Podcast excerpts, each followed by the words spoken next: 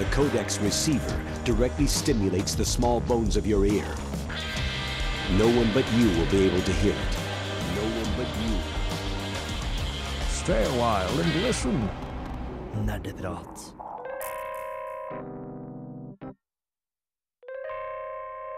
Hallo, hallo alle sammen, og hjertelig velkommen til neste sending med oss i Nerdeprat. Med meg i studio i dag har jeg den store og gode Anders, god dag. og Jenny? og Steinar. og en eh, gjest som heter så mye som Jeg heter også Anders, da, men for ordens skyld så kan vi kanskje kalle meg for Påske. Påske er jo etternavnet ditt, Ja. eh, og du har også jobba litt med oss tidligere, og det er kjempekoselig å ha deg her. Jo, takk. Eh, vi skal jo snakke om et tema som, eh, som er grunnen til at vi huka tak i det. Eh, og det er så mye som survival-spill. Eh, vi skal gå mer inn på det etterpå. Eh, men før vi går videre på eh, Siden sist, så får du en eh, søt liten lyd.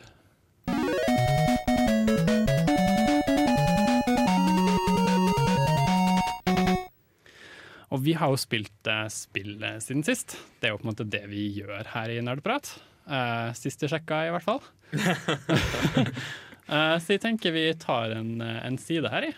Og Anders, hva, hva er det du har spilt eh, siden forrige gang du var her? Siden forrige gang jeg var her, så har jeg Ja. spilt utrolig mye. For jeg har ikke vært med Tenker det var et lettere om spørsmål.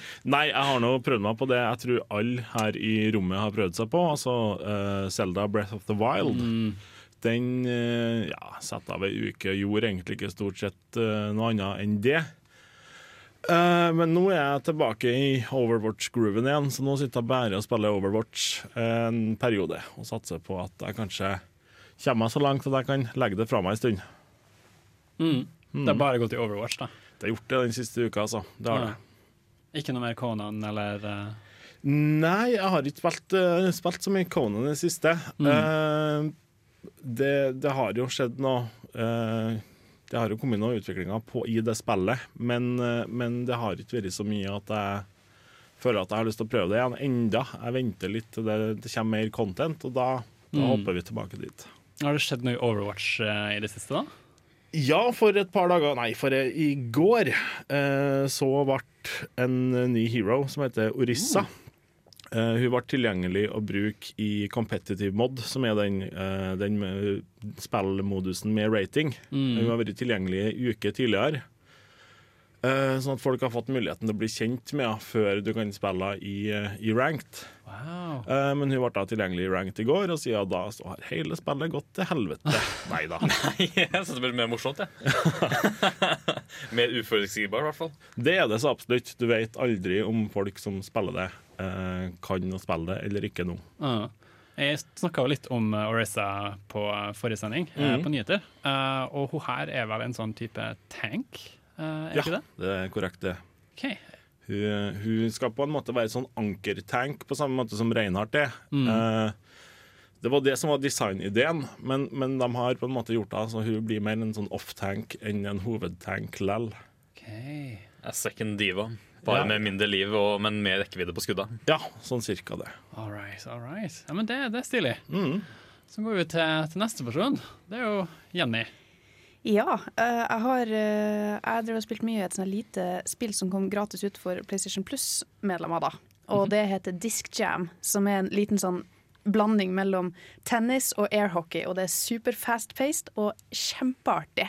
Spesielt når man spiller mot en annen man kjenner, sånn at man forhåpentligvis kan knuse hverandre. Hva har du kalt det spillet? Disc Jam. Disc Jam. Mm. Kommer de til PC også. Og det var en blanding av Tennis og airhockey. Tennis og Ja, airhockey. det er så fantastisk artig. Det er basically som at fast-paced frisbee-spill over en uh, hack-målgreie. Hva- Det ble veldig interessant å prøve å se det for seg. Nå ser jeg for meg her airhockey og frisbee og tennis og busk. Ja. Du, du springer på din, din side av banen, skal prøve å få tak i den frisbeen som den andre kaster, som de kan kaste på kjappe måte, ut, ut fra hvor flink de er til å time. Så må du springe som en gal, da. Og Jeg ble veldig imponert over hvor eksklusivt du fikk det til å høre ut av å være eh, PlayStation Plus-medlem. Yeah.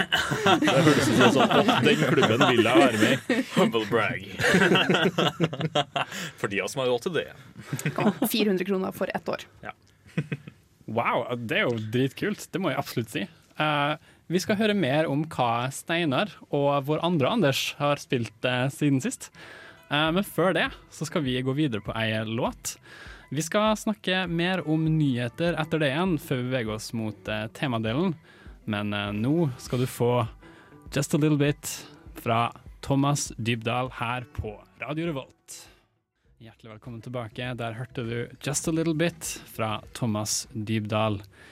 Du hører fortsatt på Nerdeprat, og vi driver og snakker om hva vi har spilt eh, siden sist. Nå fikk du høre hva Anders og Jenny hadde spilt siden sist, men vi har fortsatt eh, to folk til eh, her i studio. Eh, og Steinar, hva Ja. er det du har spilt siden sist? Ja, hva er det jeg har spilt siden sist? Jeg har spilt Oxygen Not Included, som jeg skal snakke litt mer om senere, som er et survival-spill. Veldig interessant, laget av Clay. Um, og så har jeg spilt Ark og Overwatch. Det er de tre spillene jeg hovedsakelig har spilt i det siste. Har du lyst til å snakke litt om noen av dem, eller? Eh, ja, altså Overwatch har jeg akkurat kommet inn igjen. da Jeg har begynt å spille litt andre karakterer Bare for å prøve litt mer av spillet. Eh, så det er interessant. Steinar er veldig konsentrert når han spiller Overwatch. Eh, Jeg så at han var i et spill, så jeg sendte ham en liten melding og sa Hei, ser at du spiller Overwatch igjen. Har du lyst til å spille sammen med meg, eller? Har du sendt meg en melding? Og så ble det aldri noe svar, og så gikk det 20 minutter, og så logga Steinar av. Ok, da beklager jeg det. Det sier jeg nå på radio. Men jeg er en sånn fyr som spiller eh, og jeg, jeg blir veldig stressa av Overwatch. Det er et sånt spill som gjør at jeg blir skikkelig gira. Jeg blir veldig konsentrert, og jeg skriker mye. Eh, Det vet alle som har spilt med meg. Jeg vet ikke, for jeg har aldri hatt muligheten til å spille med deg. Nå gjør du meg skikkelig dårlig samvittighet. Det er dårlig gjort på radio.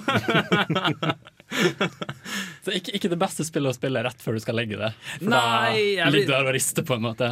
Det blir ofte sene kvelder, i hvert fall for min Ja. del. Uh, vi er såpass gira at jeg bare hiver meg en til og nudde til. uh, Ark det spiller jeg jo også. Det er så- også sånn spill jeg har spilt drittmye i det siste. Om å samle på dinosaurer og ressurser og overleve. Mm. All that goodness. Det er jo perfekt, for det er jo det vi skal snakke masse om i dag. Mhm. Eh, og det, det er jeg i hvert fall veldig gira på. Jeg er dritgira! Dette er jo min sjanger! Ah, så kult. Uh, men så viste det jo sånn at vi har en gjest her. Hei, hei. Det er jo godeste Anders, som vi skal kalle for Påske, Ja. for å unngå litt forvirring, siden vi har to Anderser her i studio. Mm. Eh, Anders, eh, hva er det du har spilt i det siste? Ja, det er bra du sier det siste, for påske, siden sist jeg var her, så har jeg spilt mye. Altså. Nei, i det siste, kanskje den siste uka, så øh, har jeg spilt et annet survival-spill fra Clay Entertainment, som jeg tenkte jeg skulle snakke litt om senere. Det heter for Don't Starve. Også veldig gøy! Ja, ja, ja. uh, og så har jeg gått litt tilbake til retro med, og så har jeg funnet fram en emulator og spilt eh, Donkey Kong 64. Åh, det er bra spill. Mhm, det er fantastisk. Oh, jeg, er så, jeg, gjen, å gjenoppleve alt sammen på nytt igjen, det er bare åh. jeg har det på Nintendo 64-en min, eh, men jeg er stuck. Så jeg skal ta etterpå. Når, når vi går til pause, skal jeg spørre deg om hvordan jeg kommer meg videre. Ja, det må du gjøre. Jeg har hele Voltrin i huet mitt. Altså. Good. Men, men Påske, hva er det som drar deg til eh, Donkey Kong 64? Uh, det er lenge siden jeg har spilt det spillet. Uh -huh. uh, og hvis det er lenge nok siden jeg har spilt et spill som har en spesifikk storyline, så Mhm. har jeg glemt, glemt historien. Riktig. Da er det som å spille et helt nytt spill for min del. Mhm. Og å spille et helt nytt spill, det er jo sinnssykt morsomt. I hvert fall når det er et sånt eh, adventure-spill som Donkey Kong. Yeah. For dette spilte du kanskje mye når du var yngre, Å ja, veldig mye. så da har det jo en viss nostalgiverdi. En viss. En viss? En bitte lite grann. Ja, du kan si det.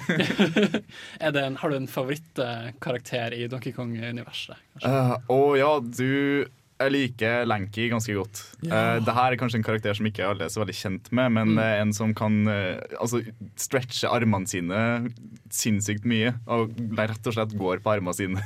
Det er vel det som er orangutangen, er det ikke det? Jo, det jo, jo. Ja, ja, De ekstremt lange, derpy ansikt og ja. ja, ja, stemmer, stemmer. Ja, Han er morsom. Han liker jeg. Det er utrolig kult. Eh, jeg vet ikke om dere er så gira på å høre hva jeg har spilt eh, siden sist. Få det ut, da. Er vi det. Ja, må snakke.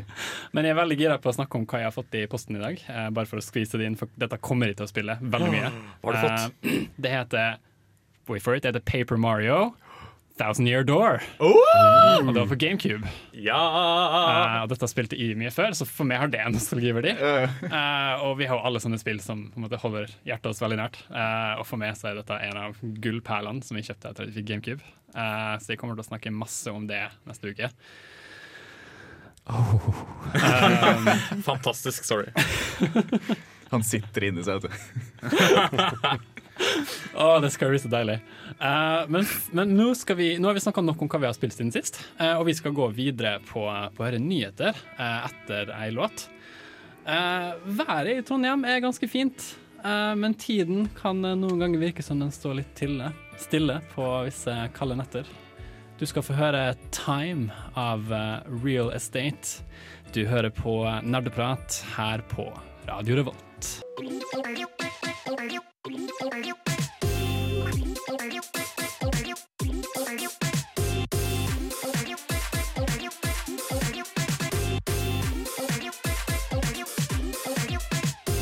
Nerdenytt. Hjertelig velkommen tilbake til Nerdeprat. Du skal få nyheter her med oss. Og Jenny, hva er det som ligger på agendaen? Jo, i dag har vi litt sånn variable nyheter. Det er både litt om Nintendo, litt fra Blizzard, litt om brettspill og litt om GameStop. Wow, Så her blir det litt fint utvalg. go for it! Yeah. Da vil jeg bare begynne med en fin, veldig fin nyhet som jeg er veldig glad for. Det er at eh, Blizzard har annonsert at eh, den, det originale Starcraft-spillet skal komme ut i remastered versjon. Da med mulighet til å spille i 4K, og mellomsekvensene er oppdatert, og stemmer og alt sånt er spilt på nytt. Og det skal eh, også bli overført sånn at man kan spille online på samme måte som man gjør nå i Starcraft 2. Wow. Så det blir kjempekult, da. Starcraft eh, det har jo ikke I egentlig spilt, eh, så det er jo en first start. Men det er en RTS, stemmer ikke det? Ja, jeg er på samme type som Warcraft 3, og det kom ut i 1998. Det som er litt tøft, er at uh, selv om Starcraft 2 kom ut i 2011 eller 2012 eller noe sånt, og skulle liksom prøve å ta over tronen som e-sportspill nummer én, så er det fortsatt haugevis av folk i Korea som fortsatt spiller Starcraft Brood War. Så, så jeg tror kanskje at hvis man bare får remastera det, så kommer det til å øke populariteten til det kanskje utenfor Korea igjen òg. Ah. Eh, Du sa RTS, hva er det? Fordi jeg har ikke hørt om det. Jeg er noob. Ja, RTS. eh, det er real time strategy. Takk for at du spør.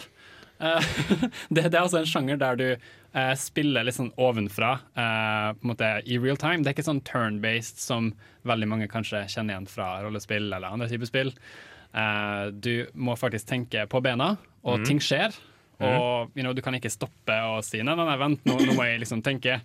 Du må bare fortsette. Ja, okay. du, du kan jo si det, men det er ingen som respekterer at du sier det. Veldig god skildring. Don't give a shit.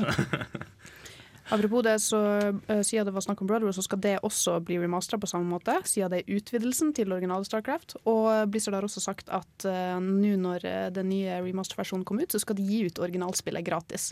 Altså ikke remaster-versjonen, men helt originalspillet. Det skal folk få gratis.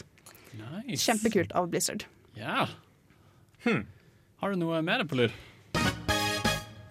Ja. Uh, jeg bare kjører på litt mer Blizzard, og det er at- World of Warcraft skal få enda en stor oppdatering denne uka her, for de som enda spiller World of Warcraft. Og det vet jeg jo er ja, i hvert fall God many noen stykker. Ja, rett og slett. Uh, det skal kalles The Tomb of Sargeras, og få ja, nye flerspilldel og nye områder, og basere seg på den forrige Legion-ekspansjonen. Det høres ut som at det bare er snakk om et nytt raid som kommer, sikkert. I Eh, bunn og grunn litt nytt innhold. Ja, jeg har ikke spilt World of Warcraft på kjempelenge. Bank i bordet. Eh, men så vidt jeg husker, så er Sargross en av ca. 100 000 forskjellige demonlorder eller noe sånt som finnes rundt omkring i det universet der. Så jeg ser for meg at det er kanskje han som er den sluttbossen der. Det er bare en sånn tanke. Lurer på hvor mange expansions de har nå, egentlig. Nå må jeg Fire? Nei, Nei, det er mer enn det. fire, fem, seks, tror jeg. Ja, det er noe sånt. Jeg, jeg hadde en nyhet på det for et par sendinger tilbake. Jeg bare husker ikke huet nå. Du har uh, Burning Crusade, som var den første, og så kom uh, Breath of the Lich King, Cataclysm, og så denne panda-greia. Husker. Mists of Pandaria. eller Ja, stemmer. Da, ja. Uh, Og så var det to til, kanskje? Jeg stoppa etter pandaen. Én til. Ja, nok. Uh, noe eh, som da kanskje ikke er fullt like negativt. Det er at eh, GameStop nå har annonsert at de skal stenge 150 av sine butikker rundt omkring i verden. Da pga. manglende salg og dårligere resultat enn forventa. Og det jeg lurer på da er, kan man skylde på det her med den økende digitaliseringa av spill? Eller jeg, jeg vil absolutt si det. Dette er jo noe vi så skjedde med Game. Eh, Game, eh, som er en uh, Jeg tror det er en britisk kjede eller svensk som Det er britisk kjede. Uh, de hadde jo masse butikker. Jeg har annet jobba der sjøl. og rett etter at jeg slutta, faktisk, så måtte den butikken jeg hadde jobba på, legges ned, pluss en haug andre. Så det var skikkelig trist å høre. Men, men ja, hva tenker dere andre? Jeg, jeg har litt sånn både-og-tanker om det. Uh, GameStop begynte jo med noe jeg satte veldig stor pris på. Det begynte å ta inn merchandise og litt sånn nerdekulturting også, ikke bare spill. Eh, men igjen, da.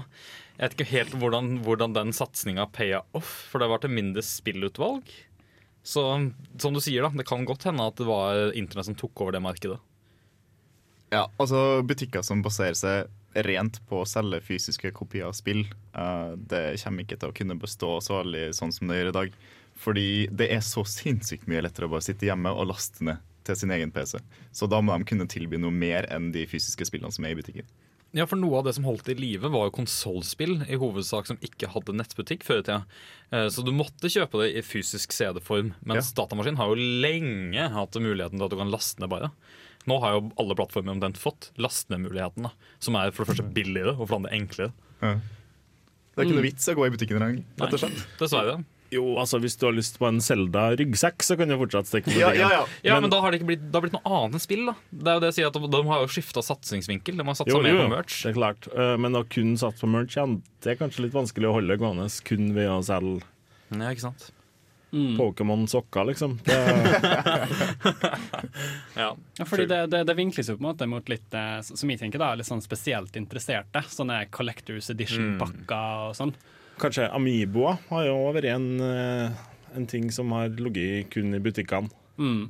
De var jo på en måte vanskelig å få tak i på et tidspunkt. De er fortsatt det, altså. De er det? Ja, fy faen. Hvis du skal ha tak i spesielle figurer som du selv ønsker deg, så er du ganske opp med elva. Da må du punge ut med ganske mye på eBay. For det er folk som bare masseinnkjøper disse enda, på en måte? Eller? Det, er masse, det er ikke bare masseinnkjøp, for Nintendo har en sånn der, holdt på å si salgsplan som er sånn vi produserer bare akkurat ikke nok, sånn at folk skriker etter mer. Og så produserer vi det neste produktet vårt. Og så gjør vi det samme der da, for å holde salget oppe. Akkurat det med at, at digitalisering er enklere fordi det er enklere å sitte hjemme og laste ned, det er på en måte helt enig i, men samtidig, hadde jeg kjøpt uh, Horizon Zero Dawn fysisk, så hadde ikke jeg trengt å vente i et helt døgn før jeg kunne spille det fordi internett hjemme var dårlig. Jeg har jo et forslag da, til alle de her spillkjedene som kanskje sliter litt. Det er jo å begynne å selge retrospill. For Ja. det vil jo tydeligvis alle ha Ja. Ja! Ja. Agreed! Uh-huh. Kan vi ikke bare alle gjøre det? Gamestone var jo flinke til det før. De hadde jo gamle bruktspill. Hvor så, er det? så du får heite businesstips her på Nerdeprat i dag. Hei til Business Tips her på Nerdeprat i dag. Eh, vi har snakka litt om nyheter nå. Vi skal gå videre og snakke mer om nyheter etter ei låt. Du skal få høre 'Håper du har plass' av Casinando her på Radio Revolt. Nerdeprat, nerdeprat, nerdeprat. Nerdeprat,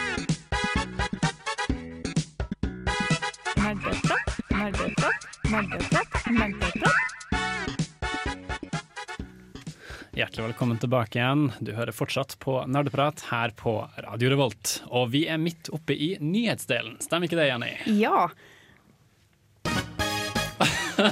For de som også som meg har Netflix eh, som favoritt-TV-kanal for tida, så kan jo kanskje noen bli litt glad av at eh, de skal lage en Assassin's Creed TV-serie, som da forhåpentligvis blir så så mye bedre enn filmen.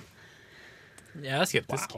Med, med forbehold at den er bedre enn filmen, så er jeg gira. Ja. Uh, Men jeg er fortsatt skeptisk til det. da Det krever litt, syns jeg. Men uh, her er det at Assassin's Creed er jo en ting som vil fun funke mye bedre som TV-serie enn som film, med hensyn til hvor mye eh, frem og tilbake det. Ja, Det er jeg enig i. Det er mer et sånt TV-serieformat. Det syns jeg òg. Men, men spørsmålet mitt er Er det Netflix selv som lager det? Vet du det? Usikkert? Det er at Netflix skal produsere det på en eller annen Ja, måte. for da er jeg litt mer gira, for Netflix er flinke til å produsere serier. Så da kan det faktisk hende det blir OK.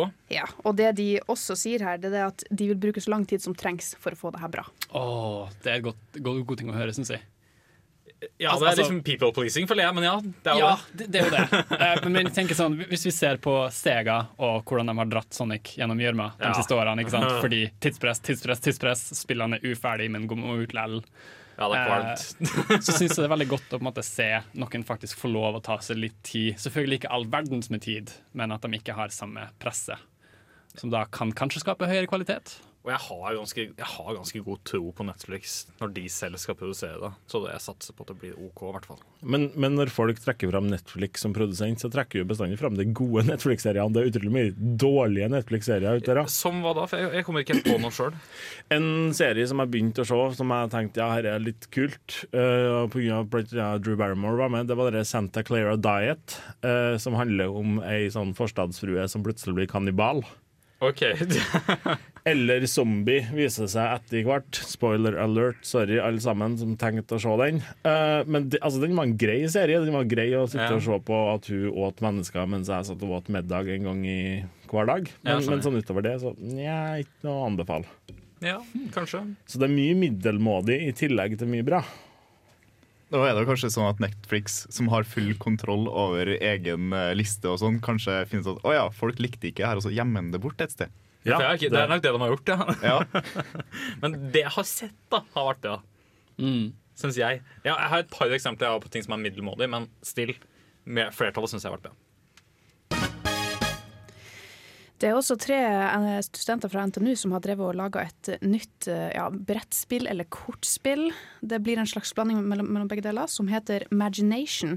Som i bunn og grunn går ut på at du har en bunke med forskjellige magneter av eh, forskjellig farge, form, størrelse. Og de ønsker da det at du skal finne på spillereglene dine til det spillet her sjøl, og så dele det med nett, og så blir det et samfunn rundt Magination med mange forskjellige spillestiler. Om man vil spille det på gulvet eller eh, på kjøleskapet, skal være helt uansett. Og det høres kjempeinteressant ut. Mm. Jeg har faktisk sett uh, videoer av det her, og det er utrolig kult å se måten uh, disse magnetene uh, kan lett bare festes sammen på. og Det ser så raskt og smooth ut. Uh, Var ikke helt på tampen i fjor at uh, kickstarteren deres var ferdig? Eh, Usikker? de hadde i hvert fall en kickstarter på det her som gikk over all forventning. Det var liksom Folk kasta penger etter dem mot slutten der. Sånn. Så, så det er jo tydelig at dette er et konsept som penger veldig mange. Det, er jo, det er ikke noe vi har sett før. ja. Nei, de har absolutt fått mye støtte for det, Eh, og jeg syns det er så kult å se noe så nært få så mye støtte. Du, du får litt sånn heiafølelse. på en måte. Ja, men det er jævla kreativt, da. Ja. Det er sånn, Basically bare magneter, men du kan finne på ditt eget spill. Nei, OK, så jævla kreativt er det ikke. Her, her har dere noen byggeklosser. Dere finner på å spille sjøl, Okay. Så du syns ikke ting av typen Minecraft er kreativt? Men- Også byggeklosser. Nei, han lar jo bare andre få være kreativ. Det er jo det som er kreativt! Nei. Men, men det de har gjort, er jo at de har satt opp en portal som gjør at du kan crowdsource dine egne uh, regler. Så de har på en måte laga en form for eh, Steam Workshop, der du sjøl kan laste opp dine egne ideer for hvordan du kan bruke det her eh, magnetene eller byggeklossene. Eh, altså om du eller jeg Anders eller Anders hadde satt oss ned og sagt nå skal vi lage en workshop der folk kan laste opp sine egne regler for å lage et spill med Lego, så hadde sikkert vi òg vært ganske fått mye penger akkurat nå. Men, men vi kom altfor seint. Uh, ja, så litt sånn som hjulet, så er det jo Nei, jeg skal ikke sammenligne det med hjulet. Glem det.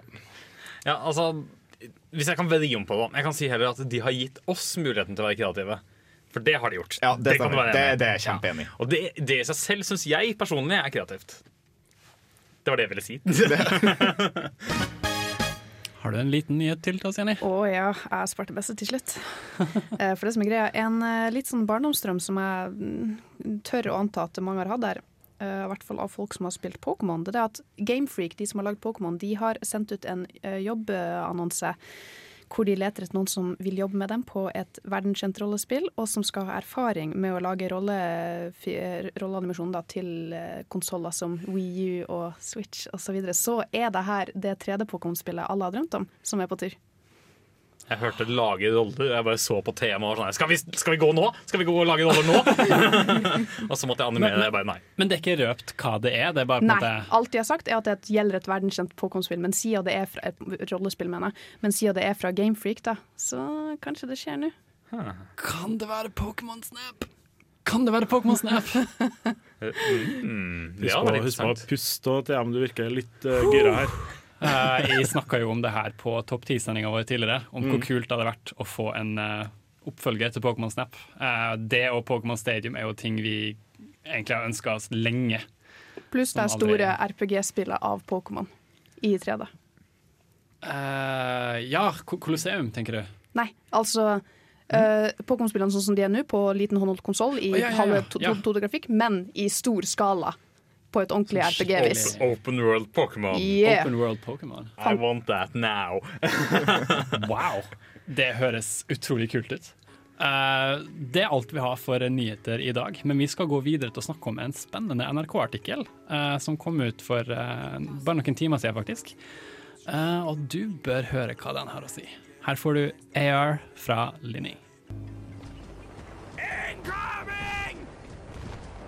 Hører på Nerdeprat!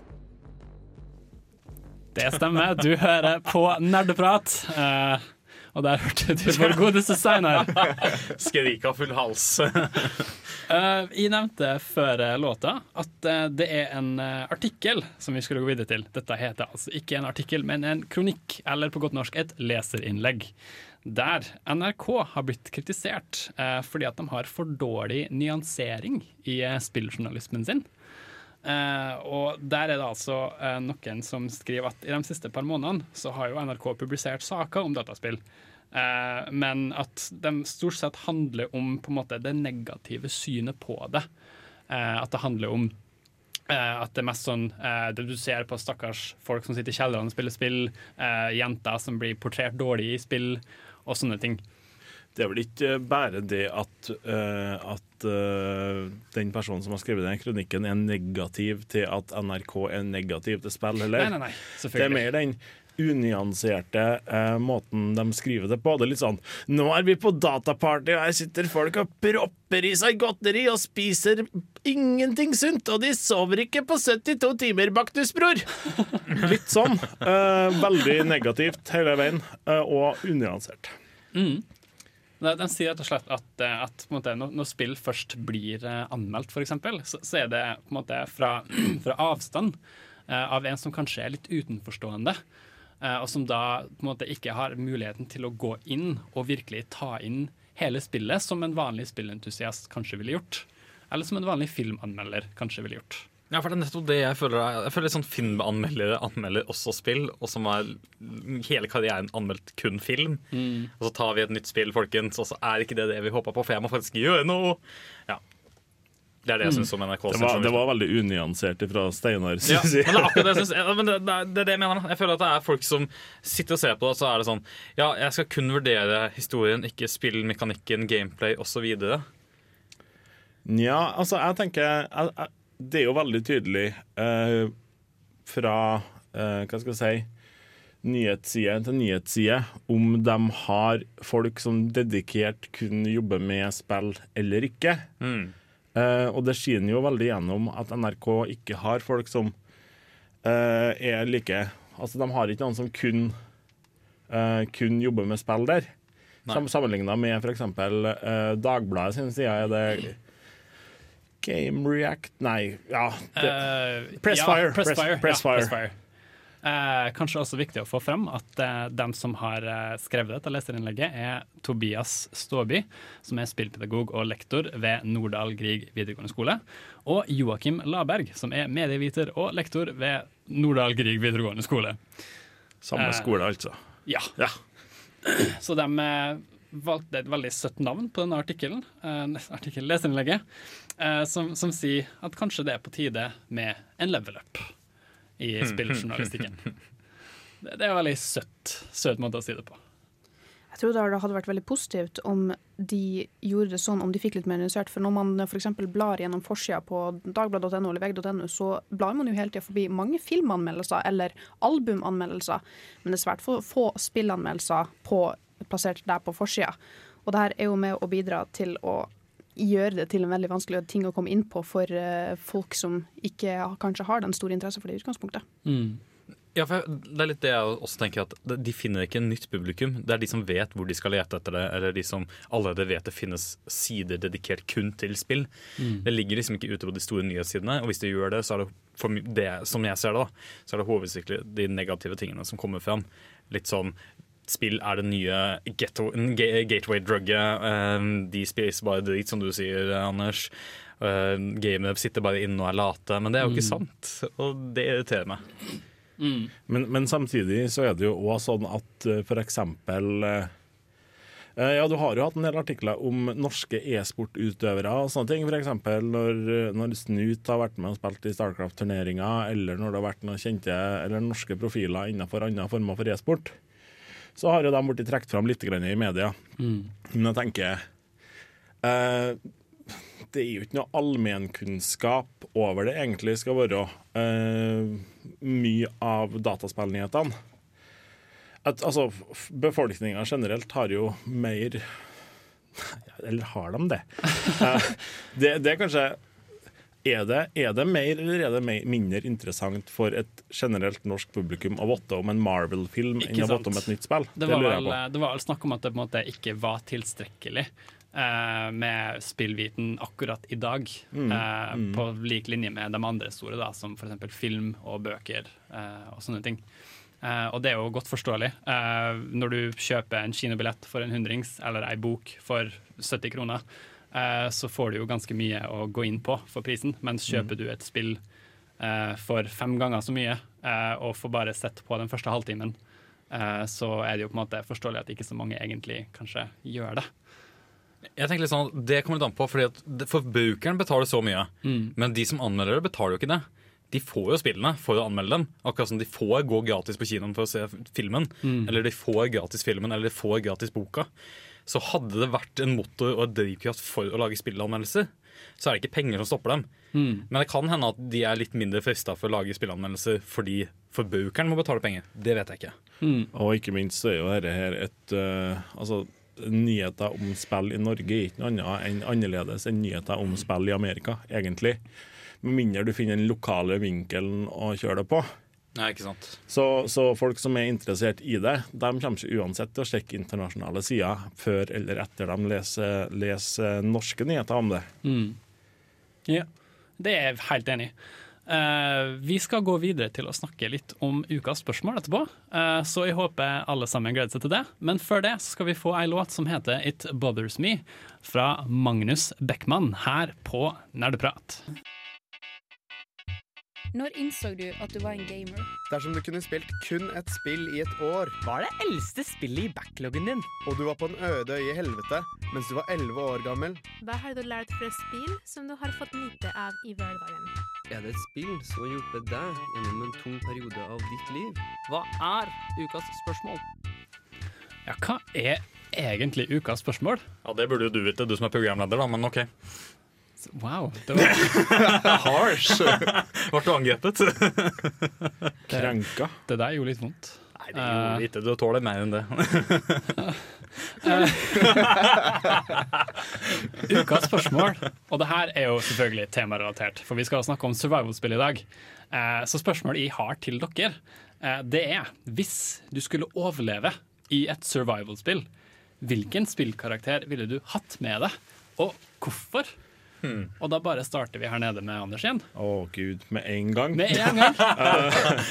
Ja, altså, å oh, gud. Uh, og det får meg til å tenke på hva heter uh, Black, black or white? Nei, Black and White. Der spiller du jo som gud. Uh, du er ei flygende hånd som kan kaste magi og sånn. Mm. Eh, og jeg tenker ei flygende hånd er jo veldig praktisk å ha med seg. Hvorfor vil du ha med den flygende hånd, Anders?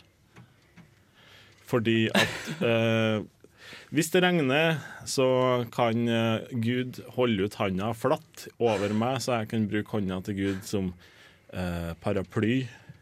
Hvis jeg trenger å bygge meg et hus, så kan Gud ta sånn karateslag over trærne og kutte dem i to. Og så bare bore dem for meg dit jeg skal bygge huset mitt. Eh, svaret er vel egentlig at jeg ikke var veldig forberedt på dette spørsmålet her. Men ja, jeg går for Gud i black and white. Gud i black and white, OK. Men en, en flygende hånd er jo absolutt kult å ha med seg. Det er det. Det, det skal jeg innrømme er dritkult. Uh, har du uh, tenkt ut svaret ditt, Jenny? Ja, I lys av eh, mine nylige spillopplevelser så velger jeg Aloy som er hovedpersonen i Horizon Zero Dawn. Da fordi hun virker som en veldig hardbarka person som eh, kun, kan fint kan greie seg sjøl. Og hun har eh, gått rundt hele livet med svært lite relasjoner til andre folk, og det tror jeg vil gjøre henne veldig sterk i en survival-sammenheng, hvor man ofte er alene på en ødøy. og det har hun erfaring med. Har hun noen slags eh, kampstil? Har hun våpen, en superkraft? Eh, Hva er det hun gjør? på en måte som gjør Pil og bua og uh, slingshot spretterter Mm. med bomber is her Oi. eh, jam, for å si det sånn, da. OK. Fordi, fordi spillet som hun kommer fra, Horizon Zero Dawn, så kjemper jo hun mot gigantiske dinosaurer Ja, av metall og stål. Og Det er okay. logisk. Det, det er logisk. Og spyd. Fordi, ja, Ewoks i Star Wars, de eh, Ja, det er mm.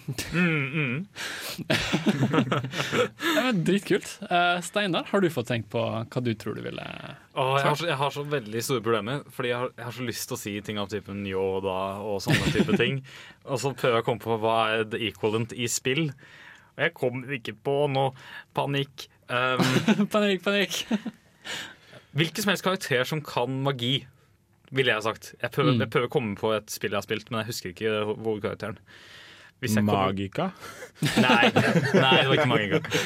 For Jesus, jeg er usikker. Jeg må nesten hoppe over meg enn så lenge til jeg kommer på navnet. OK, men da hopper vi rett over på vår kjære gjest, som også egentlig heter Anders, ja. men som vi skal kalle for, for påske.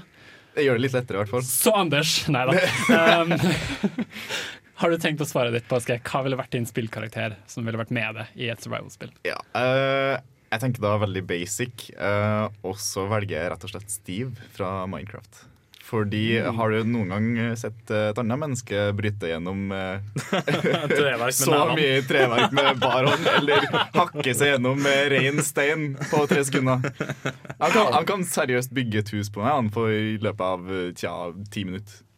Wow, Så, så det her er basically uh, Bruce Lee i survival-verdenen, på en måte? Jepp. Og så hvis du trenger å ta med ting, da, så er det bare å slenge det i hans sin ryggsekk. Fordi, uh, har du sett hvor stor ryggsekken hans er? Invent inventory space. Ja, ja, ja. Fantastisk største, masse. han har den største inventoryen noensinne? Uh, noensinne vet jeg ikke. Jeg har, ikke spilt Ja, så eller i. Minecraft, kanskje. Ja, ja. ja Ganske heftig. Nok, i hvert fall. Men jeg liker at vi har en veldig sånn praktisk tilnærming til det, begge to. Det er ikke sånn 'Hvem har du lyst til å bli holdt selskap av?' Med, nei, det er mer sånn 'Hvem kan vi bruke?' ja, men det er ikke sant? Vi to tenker kanskje at vi har lyst til å overleve, mens de er litt sånn 'Hvem har lyst til å ha med meg mens jeg dør?' Jeg har ombestemt meg. Jeg tror jeg vil ha med eh, Samus fra uh, Nei, spillscenen. Det er imponerende. Metroid. Takk, Metroid. Fordi Well, she's amazing. Ja, altså Hvorfor vil du ha med Samus fra Metroid? Hun har våpen som ikke trenger reloading omtrent. Utenom selvfølgelig rakettene hennes, som er mer praktiske. Men hun har laser. Og hun kan bli om til en ball, hun kan bære meg, hun kan superhoppe meg, hun kan alt mulig. Wow! Så Men, men, men den, den drakten til Samus, må ikke den lades en gang iblant? Ikke originalspillene, må ikke lades. Nei, men det er jo All logikk tilsier jo at Men nå snakker vi lades om spillogikk, spillogikk, Det er jo en elektrisk drakt, sikkert. Altså, det er jo noe sånn future tech og sånn i den. Hun Men den lader jo aldri plasmavåpnene sine heller, så jeg er litt sånn der mm, Jeg bruker det loopholdet at jeg kjører spillogikk. Du kommer til å få deg ei overraskelse når du går ut i skogen, Steinar. Plutselig må jeg lade, lade Men altså, dette Hun er søt, da plasmavåpenet- også, så jeg Så, så vi har da to som måtte tenke optimalisert. Nå skal vi ha noen noe vi skal bruke, og, og to Jenny og Steinar som vil basically ha godt selskap. Ja, det tror jeg var godt selskap med Samus. Ja. Altså for å, for å finne ut hvem det var som vant denne ukas spørsmål, så syns jeg at vi alle sammen skal stikke opp i skogen etterpå. Og så er det Anders og Anders mot Steinar og Jenny, og så ser vi hvem som overlever lengst. Min er plasmavåpen, jeg vet ikke. Jeg kan bygge huset. Ja, supert. Å, det er så herlig. Men da har vi fått en ganske god eh, avklaring på, på hva, hva spillkarakterer vi ville hatt med oss uh, i et survival-spill. Vi skal jo gå lenger inn på survival-spill, for det er jo temaet vårt for i dag. Uh, så nå skal du først få høre ei låt som heter I Found Me fra Rohay. Og du hører fortsatt på Radio Revolt her på Nerdeprat. Stay tuned. Du hørte på I Found Me av Rohay. Og eh, vi har nå kommet inn i temadelen på programmet vårt, som er hele grunnen til at vår kjære gjest Påske er her, for vi skal snakke om survival-spill. Uh, og survival-spill, hva er egentlig det? Uh, fordi jeg lurer liksom på Ja, forresten, Anders, hva, hva er det du har på, på beltet ditt? Det er artig at du spør, Tor Magnus. Det jeg har med meg tatt på beltet i dag, det er en refleks. Jeg tenker at Hva er det vi skal snakke om? Vi skal snakke om survival. Hva, hva er det viktigste i survival-spill? Jo, det er å overleve. Da trenger man verktøy for å overleve. Og tenker jeg Det nærmeste jeg har i huset, det er en refleks. Huh. Det er faktisk en veldig artig tilfeldighet, fordi jeg, har ikke, jeg bruker egentlig ikke å sykle med hjelm. Ikke si det her til mor mi. Men akkurat i dag Akkurat i dag så tok jeg på meg hjelm. Bare fordi survival-temaet lå i Ja, det var litt tilfeldig, må må ærlig innrømme. Men altså, hvis vi har lært noe i survival-spill, så er jo at sykkelhjelmer kan brukes til mye rart. Blir basically skuddsikker, da. Ja, det er sant. Men ja, tilbake til spørsmålet ditt. Eh, Hva er egentlig survival-spill? Jo, det er alle spill man skal prøve å overleve på. Mm. Eh, For å få en liten definisjonsavklaring, da. Vi, vi samler jo ressurser. Ja. Eh, Vi er i en veldig utsatt stilling i denne, i denne eh, sjangeren her. Og poenget er å samle nok ressurser og overleve, og ikke dø, egentlig. Ja, det er én definisjon. Det finnes ganske mye survival. For du har, du har jo wave survival, som er sånn type det Call of Duty gjorde før i tiden, der du skulle overleve runder med enemies som bare balla på seg. eh, Om å overleve lengst mulig. Mm. Du har Battle Royale-versjonen, som ja, du samler ressurser, men det er hovedsakelig våpen og ammunisjon Det var et vanskelig ord. um, og beskyttelse til kroppen din. Uh. Um, og så har du den definisjonen du nevnte, som er typ Minecraft. Overlev, spis mat, Mm. drikk vann, bygg, overlev nattene, osv. Men den Battle Royale-greia som du trekker fram der, Steinar, det er jo det er jo en videreutvikling av survival-spill. For survival-spill har jo vært med ganske lenge, men Ja, ja. det er jo først nå nylig at f.eks. spill som King of the Kill og sånn har fått litt popularitet, og det er jo det som er grunnen til at det har blitt ei greie nå. Ja. Hva heter det andre? Et eller annet Battlefield? Et eller annet som jeg sett. Battle Royale? Nei, no, Battle um, Et eller annet navn sin Battlefield heter Ja. spillet. Ser det bare på Twitch. Ja. Men det, det, det er i hvert fall mye Altså, det har, var før en slags undersjanger, vil jeg tørre å påstå. For det var en del sånne spill som la inn det som ekstra materiale. Ja. Eh, spesielt det wave-systemet, sånn overleve i bølger med fiender. Eh, og så har bare senere bare blitt mer og mer populært, hvorav det skapte sin egen standardsjanger. Ah. Det er utrolig spennende. Uh, jeg tenker at vi skal gå mer i dybden på eh, survival-spill, nå som jeg har fått introdusert eh, temaet. Uh, men før det så kjører vi videre med ei låt. Uh, du hører fortsatt på Nerdeprat. Eh, vi er midt oppi temaet survival. Vi skal gå videre og snakke om hvordan vi oppfører oss når vi spiller spill. Eh, survival-spill. Vi skal snakke om hvordan nye spillere kan starte, og kanskje litt om Minecraft. Følg med. Her får du Fantasiflukt fra Drøm.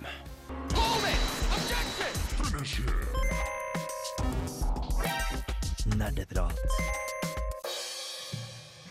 Hjertelig velkommen tilbake til Nerdeprat. Vi har begynt å snakke om survival-spill. eh, og litt om hva det er for noe, og skal nå gå lenger inn i temaet. Eh, vi har med oss eh, veldig kyndige folk som, som vet hva de snakker om, så det her, det her er dritspennende. Jeg anbefaler å skru opp volumet. Um, Anders, du, du snakka litt med for ikke så lenge siden om hva spill du eh, måte har spilt litt av survival-spill. Ja. Eh, og det er jo et spill som kom ut i 2013, eh, som heter Rust. Rust, ja. Ja. Mm. Eh, det, det, det, dette spillet solgte jo over eh, tre millioner kopier, eh, slik jeg leste, og det virker jo dritkult. Og at det starta egentlig som en Daisy-klone, og så ble videre til Jobba seg videre oppover til noe selvstendig. Eh, har du uh, investert mange timer i dette spillet, eller? Det er jo en greie da, med spill der man kan slakte sine medspillere og så grille dem på bålet, Ja. som på en måte er med å trekke meg til seg av en det er merkelig ja, uh, Rust er jo prosjektet til Gary Newman, kjent fra annet Garys Mod. Nei, bare Garys Mod, når jeg tenker meg om. Ja. det starta jo som en sånn zombie survival-spill, det òg. Ja, riktig. Eh, Men så innså de at det er jo ikke det som er artig. Det artige her er jo forholdet mellom de forskjellige spillerne, som alle sammen prøver å overleve i den ødemarka. Uh -huh. Og zombiene ble jo bare en sånn De var jo ikke en trussel i det hele tatt. De er bare der, kind of. Ja, så de har bytta ut det da med ulver og bjørner og sånn i stand nå. eh, Og helikopter. Eh, jeg, nå, nå skal det sies at jeg har ikke spilt Rust på et halvår cirka. Ok. Og det skjer jo kontinuerlig ting Dere og de har på en måte implementert ja, flammekastere, fengsel, eh, automater, sånn Ja, ikke, ikke Fallout, men eh, hva er det jeg tenker på? Eh, Dere Walt-folkene. ja, uansett, de har automater der du, der du kan komme og legge på stein, og så Ja. får du et gevær tilbake. Eh, eller at du kan legge på gevær og få stein tilbake, alt etter som hvordan den andre spilleren har designa automatene at de skal fungere. Da. Så, så det, det starta som et survival-spill, men nå føles det mer som en bare sånn sandbox. Gjør det. Ja, fordi det, det, det er mange folk som spiller mot hverandre her. Du, Ja. du starter jo på en måte med ingenting. Du starter naken med en stein, noe som er en en gjenganger i mange av mine favorittspill. Og og så jobber du deg oppover. Ja, du starter liksom med en stein og utarbeider deg litt sånn primitive verktøy, og så før du vet ordet av det, så har du en bazooka. Wow, ja, stein til bazooka. Det er jo en fin Fra utvikling. stein til bazooka. Du går liksom gjennom 2000 år med utvikling. 2000 eh, ti, La oss si 10 000, eller noe sånt. Jeg vet ikke hvor mange år eh, Hvor gammel jorda er, men du vet i hvert fall at den ikke er flere millioner år gammel. Det er helt Mm. sikkert. Ja, du, du bare går gjennom hele den kurven der. Stein til bazooka. Ja, men Vi har jo også flere ting å nevne. Eh, Jeg vet at eh, Conan Exiles er jo noe vi snakka om eh, noen sendinger tilbake. i hvert fall. Ja, du snakker om stein. Snakker om stein, så snakker du om Conan. Speaking of ja. Jeg tror du også anmeldte det. Ja, det stemmer. Mm. Hva, er, hva som er forskjellen mellom det og Rust? Uh, den store forskjellen er vel byggesystemet. Altså alle, alle survival-spillene som, som er litt sånn sandbox-aktige, de har jo et at du skal bygge deg et hus. Det ligger litt i kortene at du skal gjøre det. Gro planter i hagen og ha det fint, sant. Uh, Conan Exiles har et veldig annerledes byggesystem enn det Rust har. Rust mm. bare tar utgangspunkt at du har en blueprint som du går rundt med deg hele tida. Eh, og så Gjennom den blueprinten kan du plassere ut 40 forskjellige bygningdeler. Altså vegg, vindu, dør, åpen dør, stor dør, lita dør osv. osv. Mm. Uh, mens i Conan Exile så må du samle opp ressurser, og så må du craft hver enkelt bygningedel før du setter dem ut. Eh, noe som gjør at eh, bygging i Conan er mye mer omfattende, krever mye mer planlegging enn bygging i Rust. Planlegging, tid og samling i store deler. Ja. Men det de gir veldig mye frihet, da, i hvert fall i Conan, synes jeg, til hvordan å bygge former. Jeg syns bare det er litt lite tekstur enn så lenge. Eh, så jeg får ikke bygd akkurat det jeg vil utseendemessig. Jeg får bygd formen til det.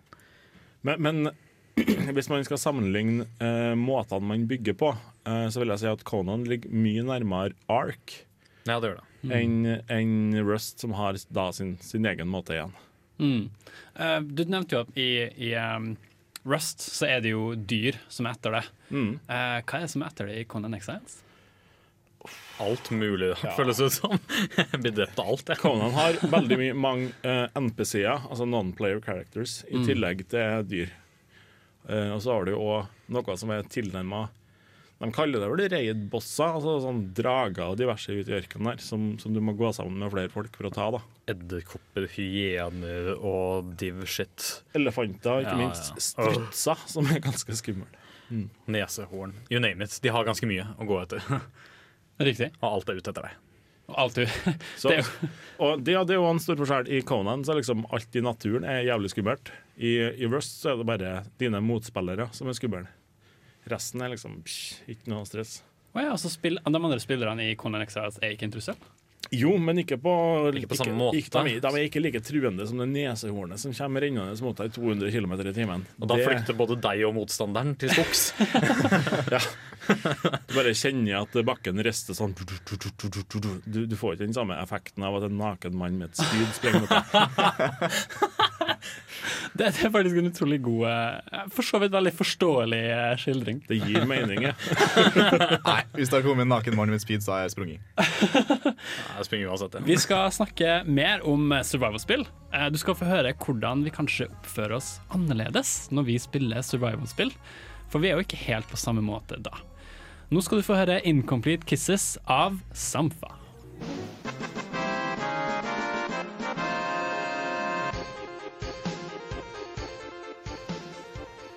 Velkommen tilbake. Du hører fortsatt på Nerdeprat her på Radio Revolt. Vi snakker fortsatt om survival-spill. Eh, vi har fått høre litt om eh, Rust og Conan Exiles. Eh, men vi skal snakke litt om hvordan vi kanskje oppfører oss annerledes eh, når vi spiller survival-spill. For dette er jo ikke helt som andre spill. Du setter deg ikke ned i et koselig, komfortabelt miljø, ser på at Mario hopper over et par eh, blocks og skal kose deg med det. Der, ja. Eh, Her kan vi snakke om at du er alene. Du skal overleve på en øde øy. Og kanskje du til og med har eh, folk etter deg som zombier som vil eh, spise deg. Det, det får frem sadisten i deg. Det gjør det. Ja. Absolutt. Uh, og Jenny, jeg snakka litt med deg tidligere. Uh, du nevnte et spill til meg som heter The Forest. Stemmer. Uh, og jeg hørte at det hadde noe med kannibalisme å gjøre. Ja, i The First så det er et first person uh, view-spill uh, som du uh, Du begynner på et fly. Flyet styrter på en øy. Du lander på den øya, sønnen din blir bortført. Og så må du se på alle de likene rundt deg halve flyet her og samle fordi det første du ser, er jo at sønnen din blir bortført, tror jeg. Etter, etter et flykrasj, da, som er grunnen til at du havner på denne øya. Yep.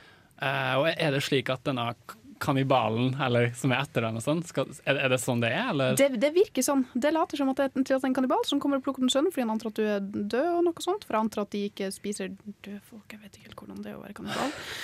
Uh, men så Men så er det i hvert fall eh, at det fortsatt er sånn at etter hvert da, når du blir angrepet av de her kannibalene, så oppdager du også at de har mutert seg på forskjellige måter. Så det er f.eks. kannibal som ikke har ansikt, og som bare går rundt med massevis av armer. Og så er det små babyer som kryper rundt bakken, og du går liksom bort til liksom ja, ja, det var ikke en baby, den, men den er ikke farlig. Og så hopper den opp i trynet på deg og prøver å spise deg, liksom. Og det er koselig. Kannibal-zombie. Det- Kannibalbabyer som kryper og hopper. Det er gøy. Kos meg. Det, det er noe jeg skal nevne at jeg har begynt å se Hannibal igjen på Netflix. Nei da, men, men, men wow. Eh, altså, når du spiller det her da, og setter det inn i den situasjonen, eh, så lever du jo inni det. Eh, liksom, hvordan, hvordan opplever du det? Ehm, jeg er veldig annerledes i survival-spill i forhold til hva jeg er med i andre spill. For i andre spill så er det liksom OK, yes, det er en stor fiende. Time to go killing. I survival-spill så blir jeg jeg blir, jeg blir nervøs. Jeg blir kjemperedd for å gå bort fra basen min. da For i Forest da så har man gjerne en base, og i Minecraft da så har man gjerne en base. Og jeg, jeg blir superredd for å gå langt eh, bort fra den her, i tilfelle det blir natt. For da kommer jo alt det skumle, krypende, kravlende eh, babyene som vi spiser fram, eksempelvis. da Eller bare de superraske kannibalene som springer kjapt etter deg, og så begynner å hamre løs. Wow. Det, det høres utrolig skummelt ut. Det som er litt tøft med survival-spill, det er jo at uh, altså Hvis jeg snakker om f.eks. Super Mario 3, så kan jeg si ja, så kom jeg til level 8, og så spilte jeg meg gjennom fjerdebanen der jeg syntes det var litt vanskelig pga. den hengemyra. ta- Jeg satte meg fast der. Mens uh, i survival-spill så har alle sammen sånn personlige oppfatninger og sitter igjen med lange historier de kan fortelle om den ene gangen det og det og det Ja. og det skjedde. Ja, altså Jeg syns det, jeg synes det er interessant å høre hvordan andre folk spiller.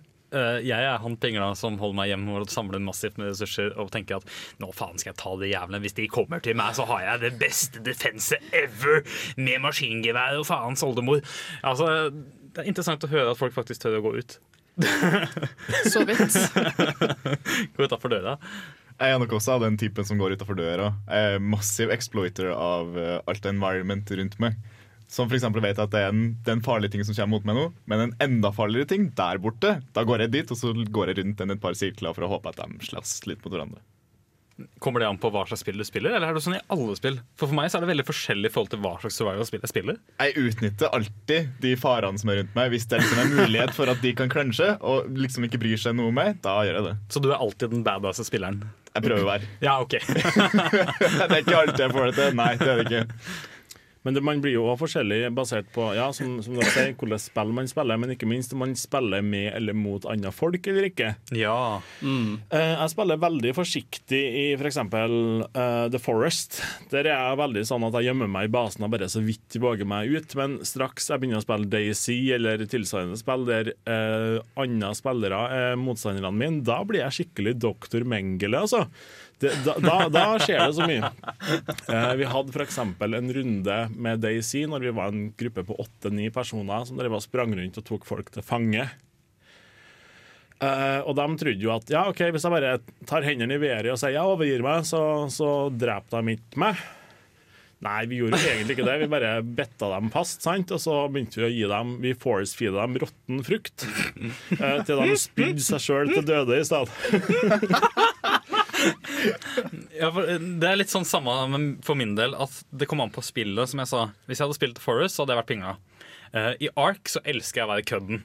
Finner jeg en annen spiller, spesielt svenske, fordi jeg hadde en uheldig hendelse med en svenske en gang, og siden da har jeg sverget hevn over alle som er svenske i Ark, uh, så grabber jeg gjerne tak i dem, plasserer dem i et bur, får dem til å sove, og så bare holder jeg dem bedøvet mens jeg ser på dem, får panikk i chatten. Mm. Ark er vel over det spillet at hvis du blir tatt til fange, så kan du ete din egen bæsj for å ta livet av deg sjøl, ikke sånn? Jo, i teorien så er det den beste måten å rømme fra fengselet. Og det syns jeg er vakkert. Dataspill! Kunst! Hvorfor snakker ikke NRK mer om det her, liksom? At vi tvinger folk til å spise sin egen avføring. Du, du kjenner deg igjen i det? Enig, eller? Å spise sin egen bæsj? Hvem, hvem, hvem Nei, gjør ikke nei. det i dag? I det herrens år 2017. Uh, vi kommer til å snakke mer om uh, survival-spill. Og ete bæsj. Uh, her skal du få Pure Comedy av Father John Misty. Eh, følg med oss her på Nerdeprat. Du hører på Nerdeprat på Radio Revolt. Hei, våkn opp, da! Nerdeprat. Velkommen tilbake til Nerdeprat. Vi snakker om eh, survival-spill, og hvis du akkurat skrudde på radioen Hei! Dette er nerdeprat. Eh, vi skal snakke litt om survival-elementer i spill.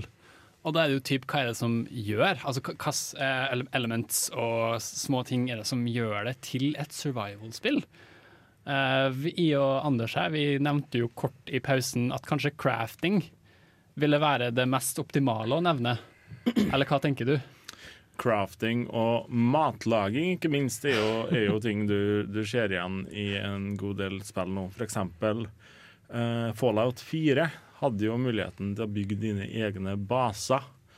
Ikke like, ikke like komplisert eller like avansert som i eh, fullverdige survival-spill. Mm. Eh, Men du har i hvert fall muligheten til å bygge litt vegger der spillet sier at du får lov til å bygge vegger og sånne ting. Mm. Eh, Så det er, jo, det er jo et sånt element som, som definitivt kommer har blitt lagt til i Fallout 4 pga. at survival-sjangeren har vært såpass eh, populær. da. Riktig, riktig. Eh, jeg, jeg vet at det er et, et spill som jeg og du har snakka litt om, Påske. Yes. Eh, som er fra Clay, som så kort ble nevnt av Steinar tidligere. Eh, et spill som heter Don't Starve. Fantastisk. Eh, her er det jo litt sånn Jeg, leste mye opp på det. eh, og det, er slik at du har randomly generated eh, worlds, eller maps, eller noe sånt. Slik Ja. jeg skjønte det. Ja, stemmer. Og at det kan også ligne litt på rogelike. Ja, mulig. Det har ikke jeg spilt, da. Nei, roguelike er jo en, en sjanger der uh, du på en måte dør Hvis du dør, så er alt over. Uh, Permadød. Ja. Oh, ja, sånn, ja. Ja, ja, det stemmer. Riktig. Eh, kan du forklare oss litt mer om, om hvordan Don't Starve eh, fremstår? Altså, hva, hva er det for noe? Ja. uh, Don't Starve det er et spill med en litt sånn løs historie. Du vet ikke helt hvorfor du har havna der du har havna, men Aha. du er da i en verden uh, som en litt sånn skyggeverden. Den ligner litt på vår egen, men den er ikke helt lik. Eh, og det er jo et survival-spill, altså du skal jo overleve. Det er hele poenget med spillet. Eh, men i denne skyggeverden så er det så mange elementer som du ikke vet hva er for noe. Ikke vet hva gjør for noe. Så eh, vi snakka jo litt om det her i pausen. men Plutselig så er det en annen hårete dott der. Og hvis du, du vet ikke om den er farlig eller ikke, om den kan hjelpe deg, eller om den kommer til å drepe deg on first sight.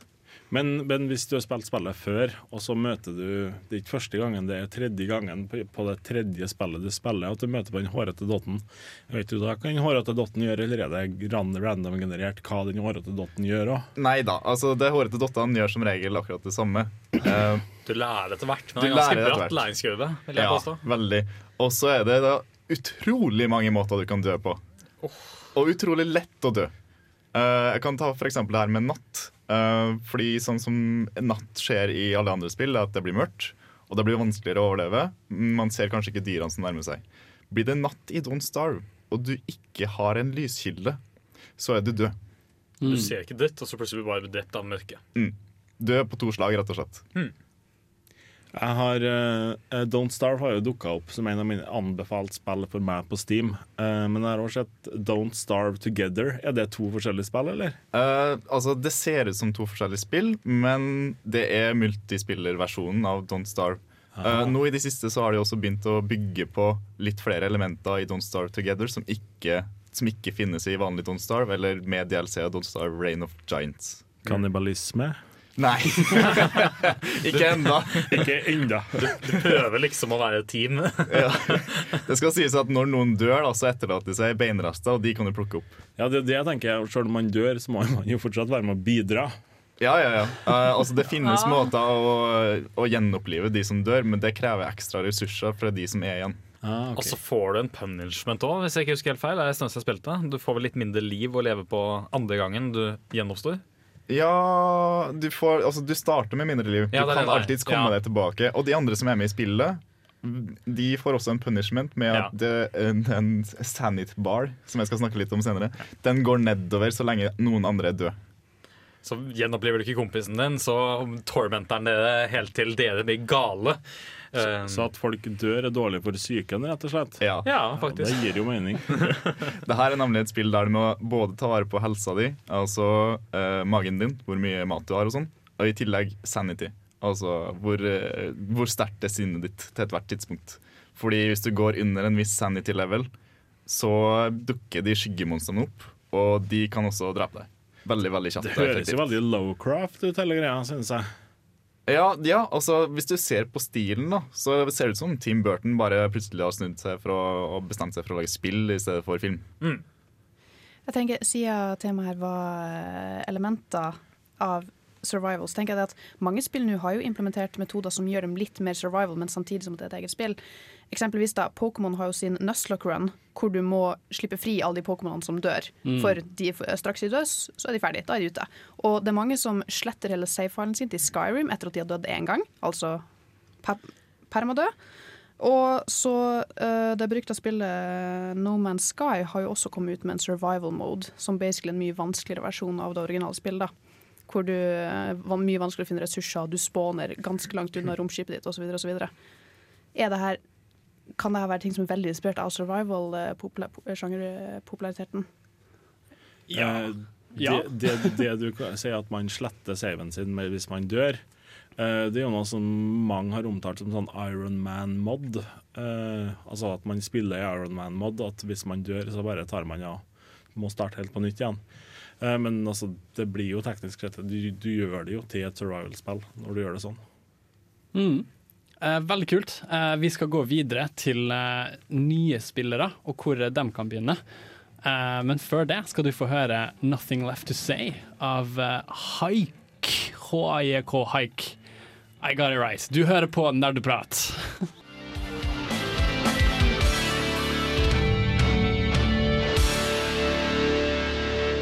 Du hørte 'Nothing Left To Say' av Haik her på Nerdeprat.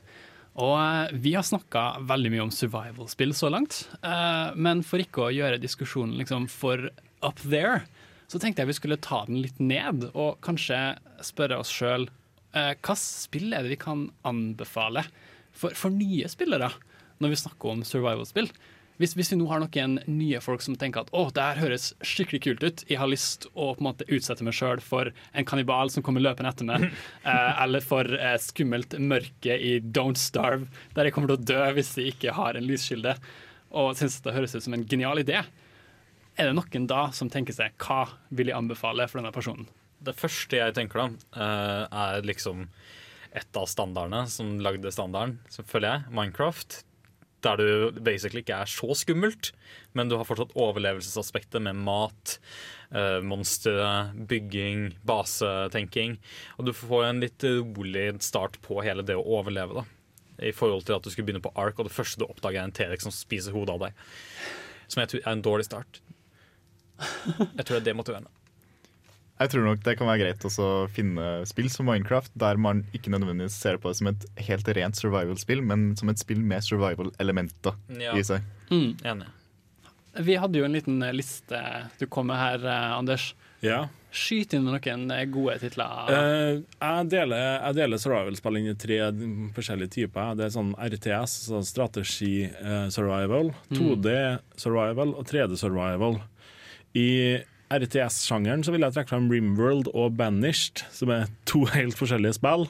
Uh, Rimworld, da er du rom, romfolk som strander på en øde planet og skal overleve der. Mens i Banished så er det en gjeng med folk som har blitt kasta ut av samfunnet i ja, tidlig middelalder en gang, og så må du bare bygge deg et samfunn der for å overleve. Og det her var type RTS, sa du? Eller? Ja, begge to er ja, tilnærma RTS, i hvert fall. Det er i hvert fall samme, samme styringa ovenfra og ned, og så er det flere folk du holder styr på eh, til enhver tid.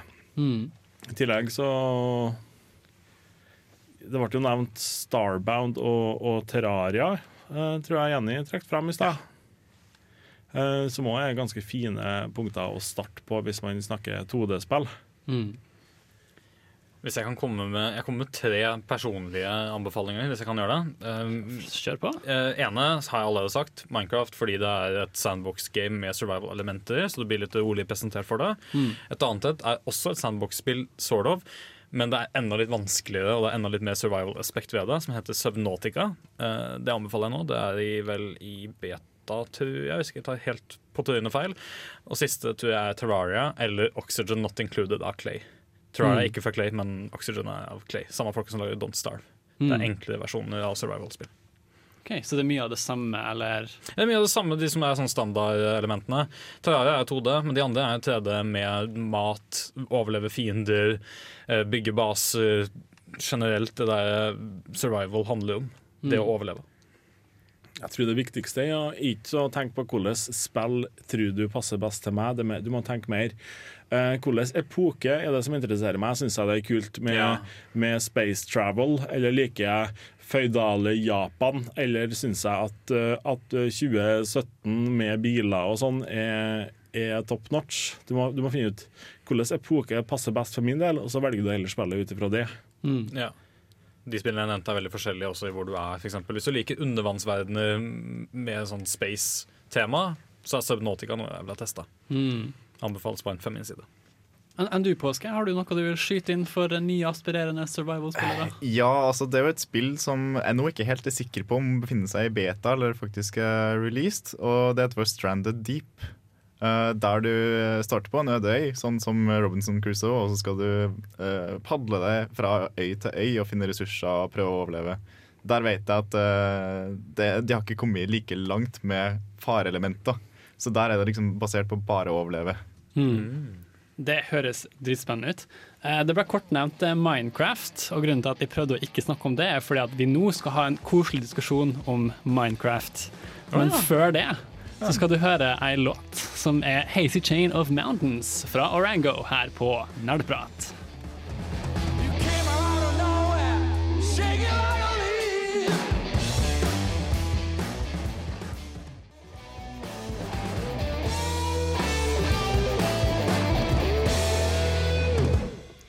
Velkommen velkommen tilbake. Eh, Vi snakka litt om hvor nye spillere burde begynne når de går inn i survival. Og noe vi kanskje glemte å nevne som kanskje var det viktigste, er don't trust anyone. OK, da går vi videre til neste. Vi skal snakke eh, ha en litt sånn koselig diskusjon tenkte jeg, om Minecraft. Eh, Steinar, du har jo fortalt oss masse om Minecraft-historier tidligere. Jeg har lagt ned ganske mye av livet mitt i det, ja. Som jeg aldri får tilbake. Jeg husker at du nevnte at du på en måte har klart å lure barn ned i en virtuell kjøttkverner på et tidspunkt. Er det hit du vil, til det mørke hjørnet av Minecraft? Så når vi er inne på survival-spill, så tenker jeg hvorfor ikke snakke mer om dette her? Som Anders så pent nevnte, det bringer jo frem sadisten i oss å spille survival-spill. Jeg- Jeg føler at Minecraft er et av de spillene som bringer litt begge deler hos meg. Fordi det er litt den priden og stoltheten over det å lage det kuleste, det beste, det peneste. Eh, men så er det også det, med det du sier med at jeg har muligheten til å plage barn. For det er jo hovedsakelig fjortiser som spiller på norske servere, hvorav jeg utnytter det systemet. Mm. Veldig morsomt. Så det kommer an på hvordan du liker spillet. Ja, altså Minecraft, for de som ikke vet det, uh, shame on you if you don't know. Uh, nei da, jeg bare tuller. Et av de Um, mest solgte PC-spillene ever. Ja, nesten. Mm. Fordi det som er så spennende, er at det er the second best etter Tetris. It is. Og det syns jeg er utrolig kult.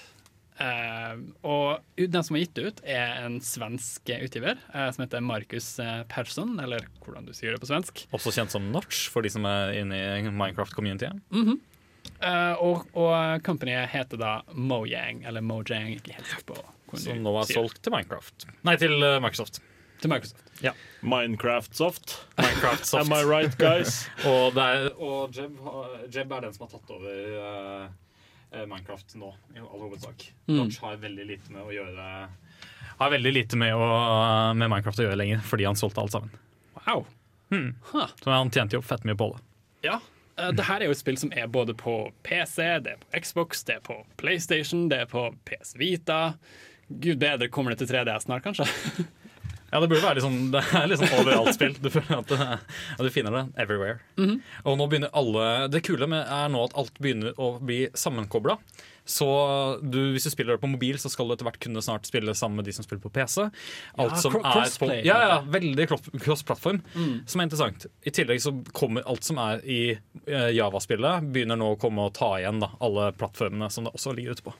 Mm. Så interessant. Ja, veldig interessant. Det her er jo også spesielt et spill som er bra egnet for nye spillere.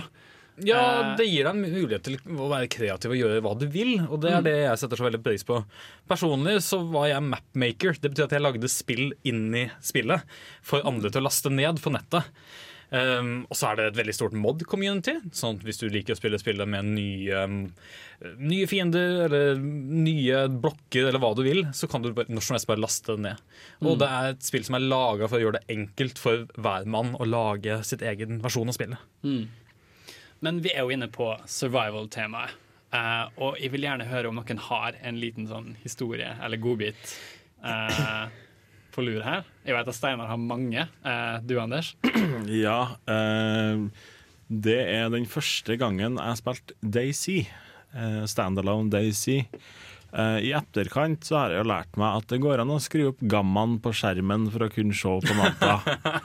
Eh, ja, og at folk er ikke så skumle som de egentlig kan virke som til å begynne med. Men det visste ikke jeg den gangen, så jeg hadde nettopp vært inne i et hus i en liten russisk landsby. Jeg hadde funnet meg ei rifle.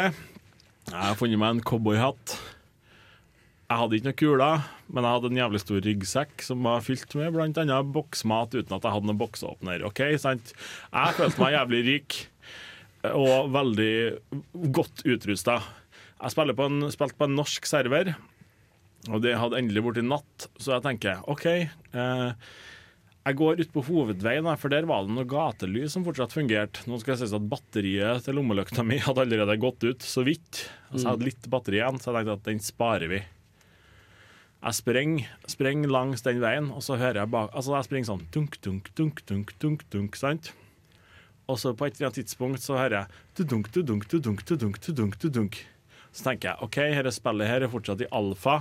Det kan være en bug eller et eller annet. Eh, men jeg bare skrur på lommelykta eh, og ser meg rundt en runde for å være helt sikker. Og akkurat da hører jeg et sånt over eh, lokal voicechat, og så snur jeg meg, og da kommer det en fyr med øks og klovnemaske sprengende ut av skogen rett mot meg. Og jeg blir jo styggstressa og bare beiner rett inn i skogen i motsatt retning, men jeg har allerede kutta meg en gang i kroppen med den øksa, så jeg blør jo som en gris. Eh, Og på det tidspunktet der så måtte man stoppe for å kunne bandasjere seg, eller stoppe for å kunne slå av lommelykta. Så det jeg holder på med, er at jeg driver og sprenger og sprenger og sprenger og satser på at batteriet på lommelykta mi snart går ut, så han faktisk ikke ser meg lenger. Og så blødde jeg til døde.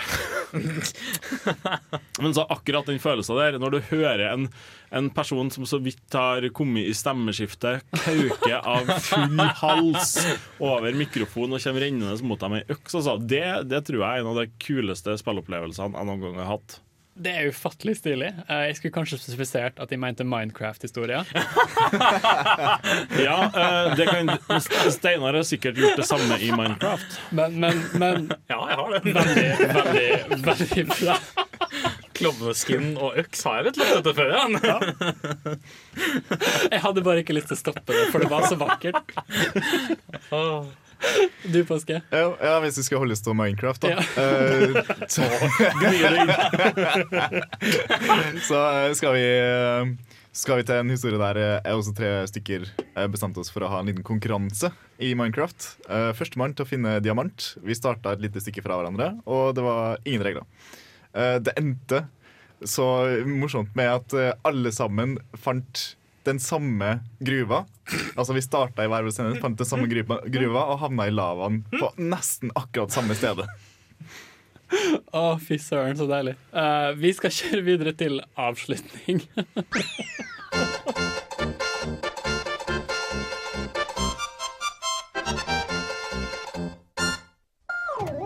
Wow. Jeg syns det har vært en utrolig koselig sending. dere, folkens. Eh, vi har snakka om eh, survival-spill i dag. Vi har fått noen koselige historier eh, fra Minecraft, og ikke fra Minecraft. Men fantastiske historier, vel så det.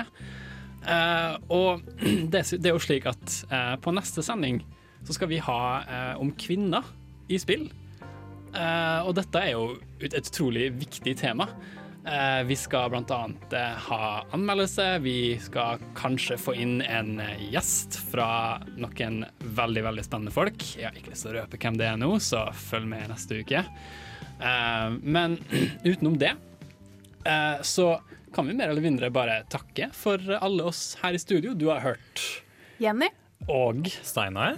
Og Anders. Og Påske. På, og andre, andre Anders og Ja, ja. og vi takker gjerne vår store og fantastiske tekniker Torben, som har vært bak i skyggen og pulled all the strings. Tusen takk, folkens. Takk for oss, og vi ser dere neste uke. Ha det bra! Hei òg. ha det. Ha det bra.